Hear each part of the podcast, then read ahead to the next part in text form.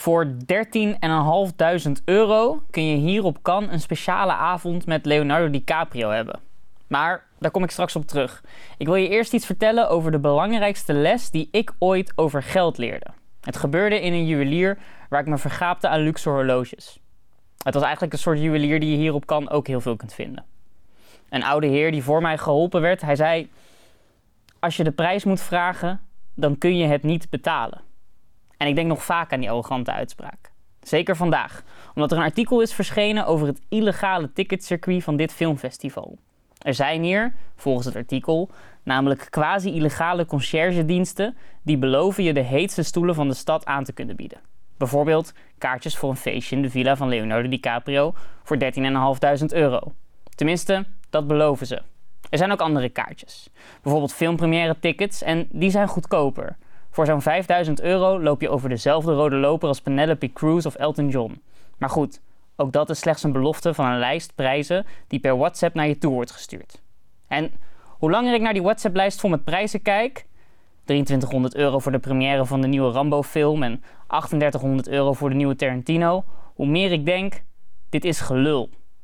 Want een beetje research, en daarmee bedoel ik gewoon googlen, leert dat het bedrijf dat deze tickets verspreidt hetzelfde bedrijf is dat ooit gestraft werd door Victoria Beckham toen ze tijdens Fashion Week tickets verkochten voor een modeshow van haar waar helemaal geen tickets voor bestonden. Met die kennis zijn de artikelen over deze geheime prijslijst op kan en het lijstje zelf niet meer dan een PR-stunt. En daarom denk ik dus terug aan die man in de juwelier. Hij had gelijk. Mensen die zich binnenkopen op het belangrijkste filmfestival op aarde, die hoeven niet te vragen naar de prijs.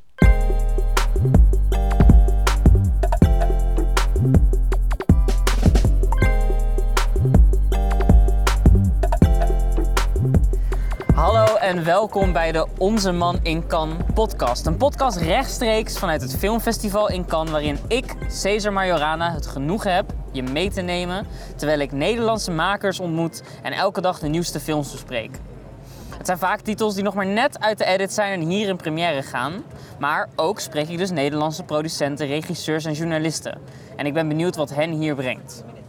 Straks, straks volgt er een filmtip van een van de aanwezige Nederlanders. Maar eerst spreek ik een man met een missie. En dat is Cedric Muiris. Hij is de manager van supergroep Kensington, labelbaas van Snowstar Records met bands zoals I Am Oak en Broeder Dieleman. En hier is het bruggetje naar film. Cedric is oprichter van Chasing Reels, een reizend filmfestival dat films programmeert die je anders niet kan zien. Leg ik dat zo goed uit? Supergoed, ja. Oh, wat zeg jij zelf altijd als mensen vragen wat Chasing Reels is? Ehm, ja, wel dat eigenlijk. Eh, films die je anders niet in Nederland zou kunnen zien. Ik ben begonnen in Utrecht, omdat ik daar woon. En eh, inmiddels is het in Utrecht, Rotterdam en in Amsterdam. En nu zo'n, volgens mij 16 films naar Nederland gehaald die je anders niet had kunnen zien. Ja, bijzonder. Want wat is bijvoorbeeld nou de grootste film die je ooit voor Chasing Reels hebt kunnen programmeren? Nou, ze zijn vooral klein. Eh, het is echt indie film. Ik heb zelf heel erg voorliefde voor Amerikaanse indie, maar dat is geen regel of zo voor Chasing Wheels. Ik heb sowieso niet echt regels. Maar ik probeer die films die ik laat zien met Chasing Wheels dan wel in een context te zetten. Een beetje een programma eromheen, een korte film of iets anders van die maker of een acteur. En uh, ook echt een premièrefeestje van te maken waar je ook wil blijven hangen en nog wat drinken. Ja, en aan welke filmtitels moet ik dan denken? Um, de laatste was Relaxer. Uh, een hele weirde film over een guy die uh, tijdens de jaarwisseling van 99 naar 2000 op de bank Pac-Man moet spelen en niet van de bank af mag voordat hij Pac-Man heeft uitgespeeld. Wat niet kan. Omdat... Klinkt nu al bizar. Ja.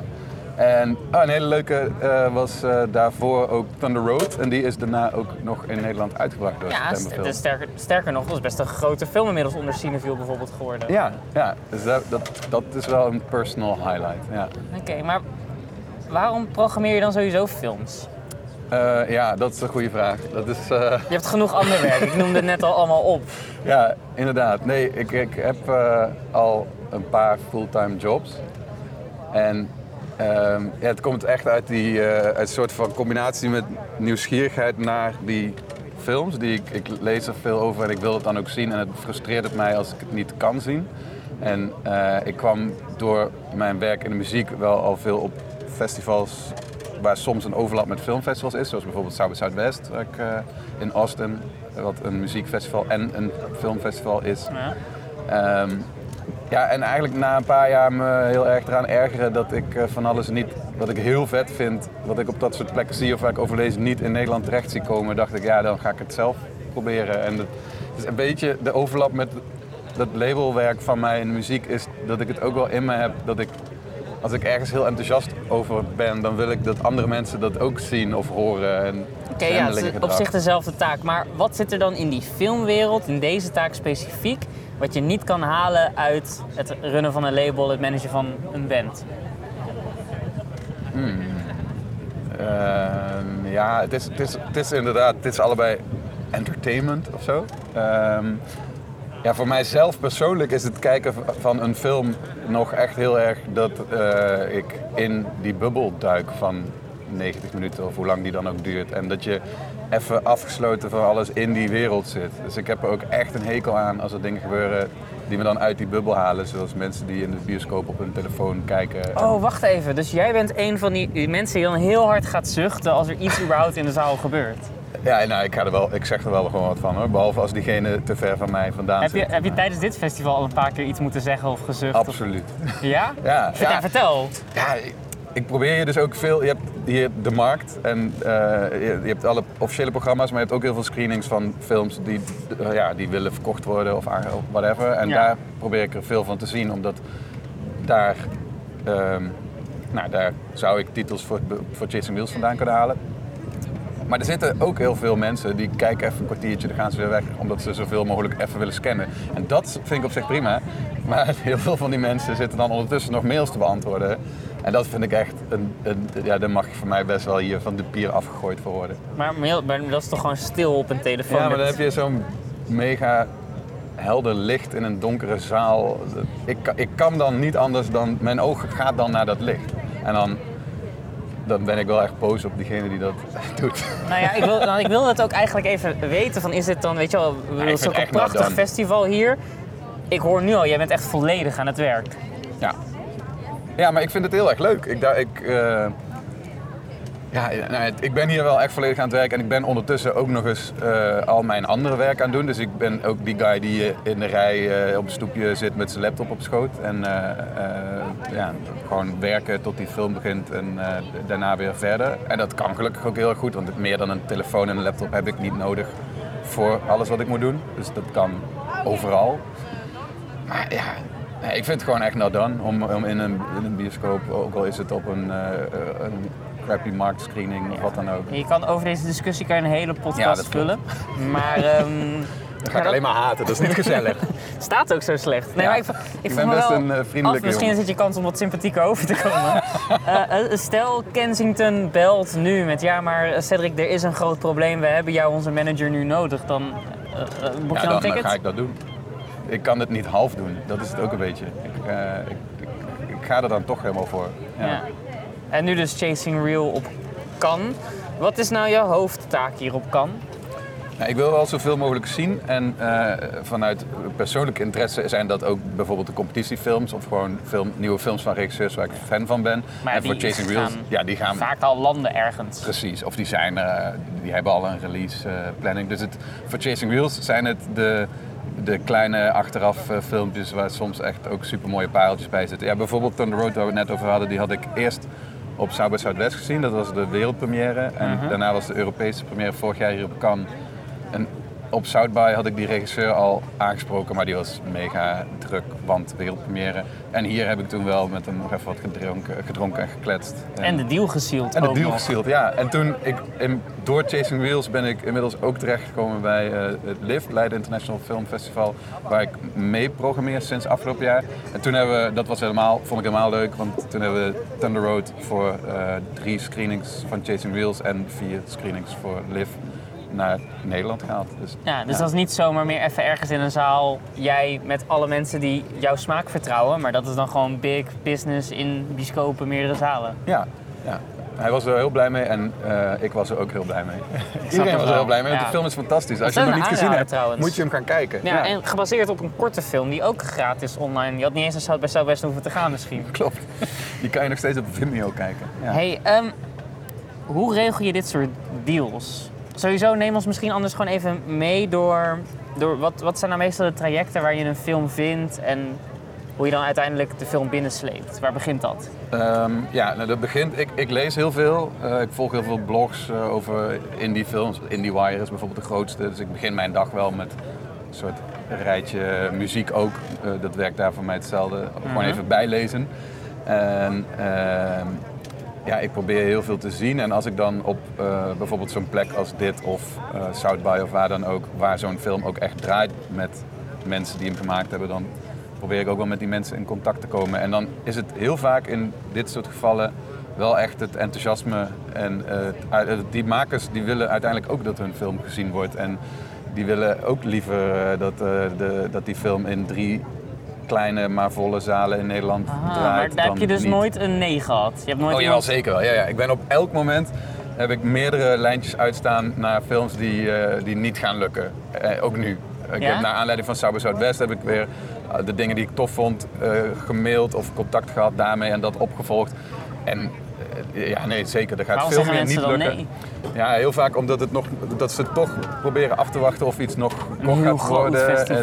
kan krijgen. Ja, of, of dat ze dingen nog niet duidelijk zijn, hopen dat een deal nog op zijn plek valt. Eh, ja, en ik ben, ik bedoel, ik maak mezelf ook geen illusies. Dit is hartstikke klein. Ik ben een hele kleine speler, maar ik vind het heel erg leuk om dat enthousiasme te delen, inderdaad. En wel ook een hele gepassioneerde speler. En dat Ja. is misschien wel weer je Nou selling. ja, die Relaxed bijvoorbeeld, die, waar ik net over vertelde met Pac-Man, die hebben we gedraaid. En na afloop hebben we op het bioscoopscherm mensen Pac-Man laten spelen.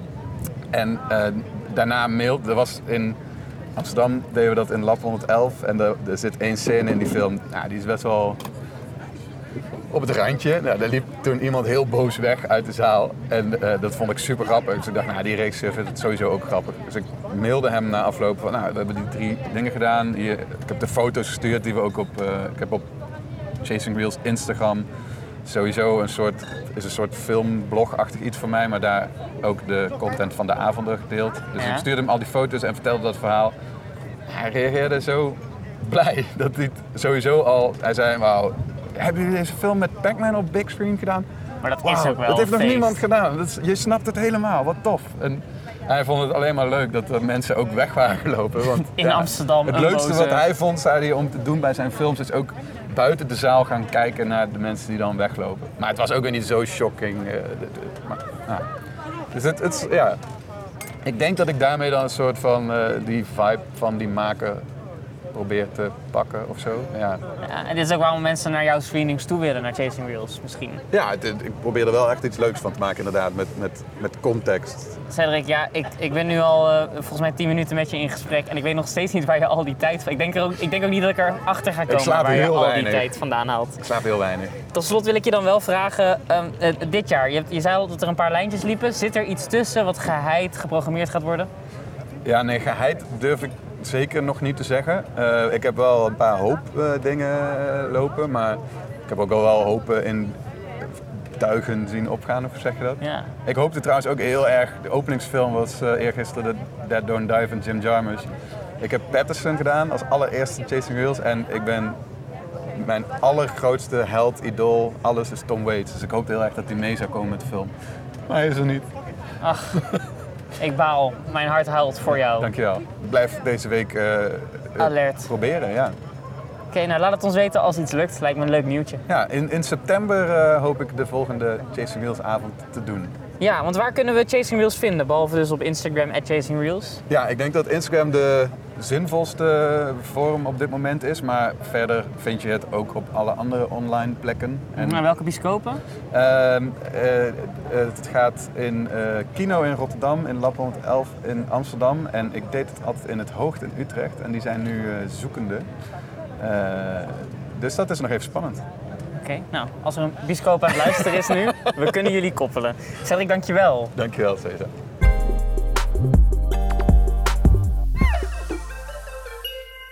In het tweede deel van deze podcast praat ik met Jan de Vries, een man met een dubbele agenda op het festival. Want hij is hier als programmeur voor Kino Rotterdam, maar er is ook een missie en dat heeft te maken met verloren foto's van de film Apocalypse Now. Hij heeft bovendien ook een filmtip voor ons meegenomen en dat is een film die aan het strijden is voor een Gouden Palm en sowieso in de Nederlandse bioscopen gaat komen. Jan, goed dat je er bent. Dankjewel. Ja, hey, ehm, ja, ik wil toch meteen beginnen met jouw bizarre zoektocht. Want jij hebt iets gevonden wat niemand anders tot die tijd had gevonden.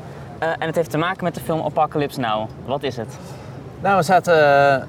We hebben een tijdje geleden een uh, fototentoonstelling gedaan in samenwerking met het Nederlands Fotomuseum. En daar hadden we nog een, soort van etentje uh, achter. En we kwamen uh, met, ja, in gesprek met een, met een curator van het museum.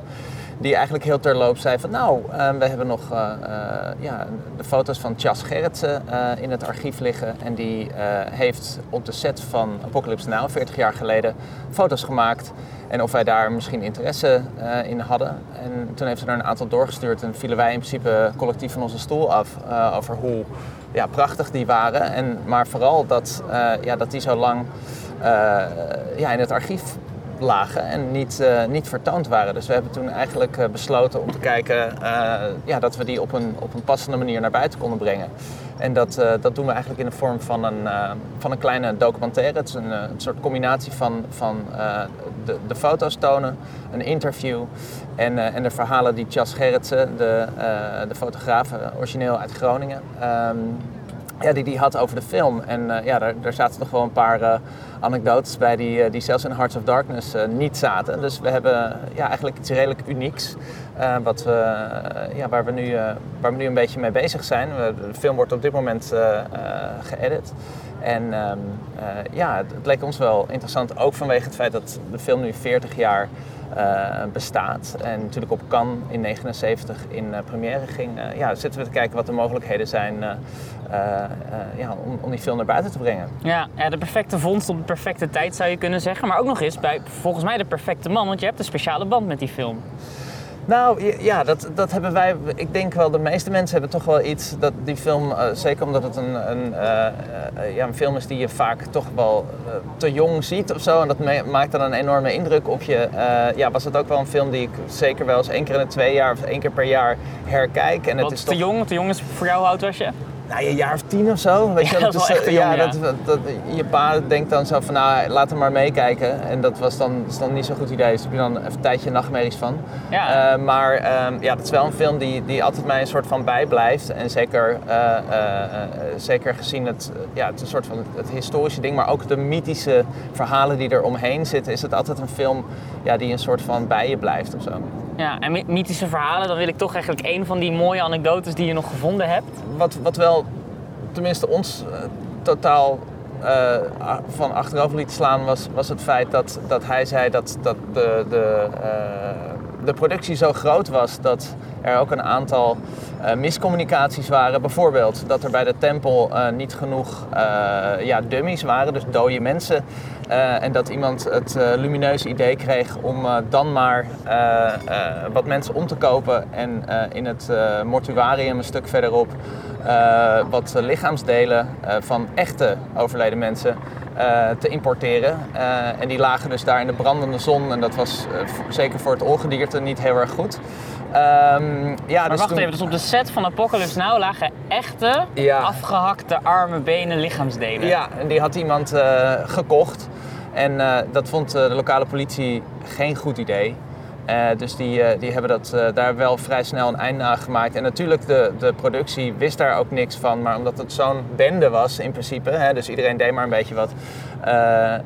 ja, gebeurden er dat soort absurde dingen. En ja, dat is toch wel heel mooi om dat ook van iemand te horen die daar uh, letterlijk met zijn neus bovenop stond. Maar wat heb je dan nodig van dit festival om dit project te laten slagen? We, we financieren het in, in, principe zelf samen met het uh, Nederlands Fotomuseum. Maar uh, ja, het zou natuurlijk wel heel mooi zijn als, als, we, als we dit bijvoorbeeld een toevoeging zou kunnen, zou kunnen zijn voor de mensen die het komende jaar vanwege de 40th anniversary um, zouden kunnen meedraaien. Dat, dat is een beetje het idee. Maar goed, we zijn niet heel erg geschoold in, in distributie.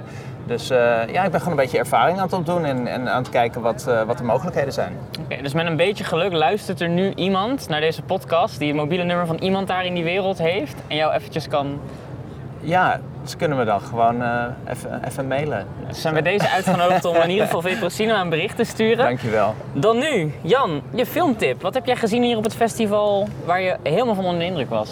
Nou ja, we hebben natuurlijk alweer een aantal dingen gezien, maar eh Les Miserables was, eh, was zeker een film die, die ik gisteravond gezien, die in de competitie draait en echt ja, wel een grote indruk maakte, moet ik zeggen. Ehm, eh, het is een film die ja, in de banlieue afspeelt. Het gaat over eh, twee eh, soort van veteranen die eh, in het eh 93ste arrondissement eh, hun, hun rondes doen, een soort special task force. En daar komt een nieuwe agent bij die je volgt. Dan zie je eigenlijk van de kant van de agenten, maar ook van de kant van de bewoners, een soort van dag uit het leven. Het is eigenlijk één dienst die, waar, je, waar een soort van fly on the wall bent. Dit soort films kunnen de Lahen-kant opgaan en zo'n tragicomisch element bevatten in al die donker, donkerheid. Is dat bij deze film ook het geval? Ja, dat is wel zo. En ik denk, ik denk ook dat La Haine eh, in principe een soort van de benchmark is voor, voor alle films die hier iets mee te maken hebben. Een film uit 1995 heeft zo'n eh, heeft zo'n grote indruk gemaakt op eh, eh, zowel de Franse filmwereld op dat moment, omdat er eigenlijk toen nog niet echt iets over gemaakt was. Terwijl het probleem natuurlijk eh, zeer zeker aanwezig was.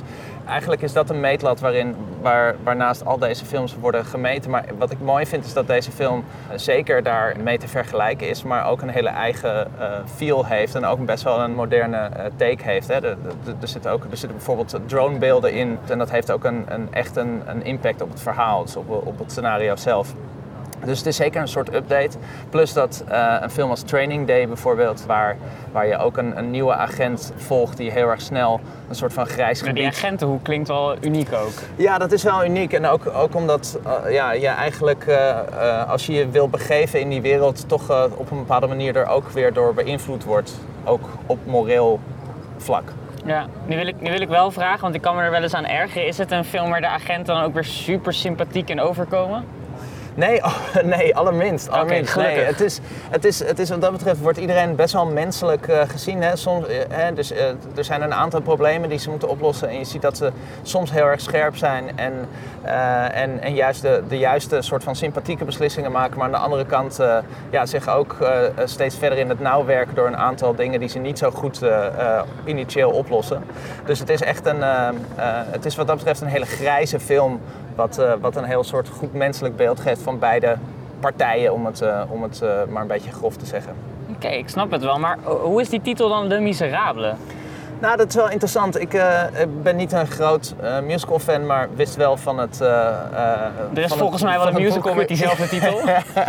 maar er is, er is een boek door Victor Hugo geschreven en dat, die wordt ook aangehaald. En het mooie is natuurlijk dat, dat een aantal elementen uit, de, uit, dat, uit die klassieker geeft hij heel mooi eh, visueel weer. Door bijvoorbeeld eh, het zwaaien met de, met de Franse vlaggen eh, wordt hier gedaan. is wel eh, iconisch, ja. Ja, voor het vieren van de, de Tweede Wereldtitel van, van Frankrijk, van het voetbalteam. Dus je hebt echt de Champs-Élysées en iedereen die helemaal losgaat daar met... maar dat is dus eigenlijk, het visueel komt het overeen, maar het heeft een andere reden. En dat, dat geeft hij ook heel mooi weer dat de barricades hier, dus opgegooid eh, 160 jaar geleden, nu eigenlijk gelden eh, als barricades in een bandelieu tussen, tussen de jongeren en, eh, en de politie. Dus het heeft heel veel overeenkomsten. Eh, de arrondissement, die 93ste, is ook precies de locatie waar Victor Hugo het boek over schreef.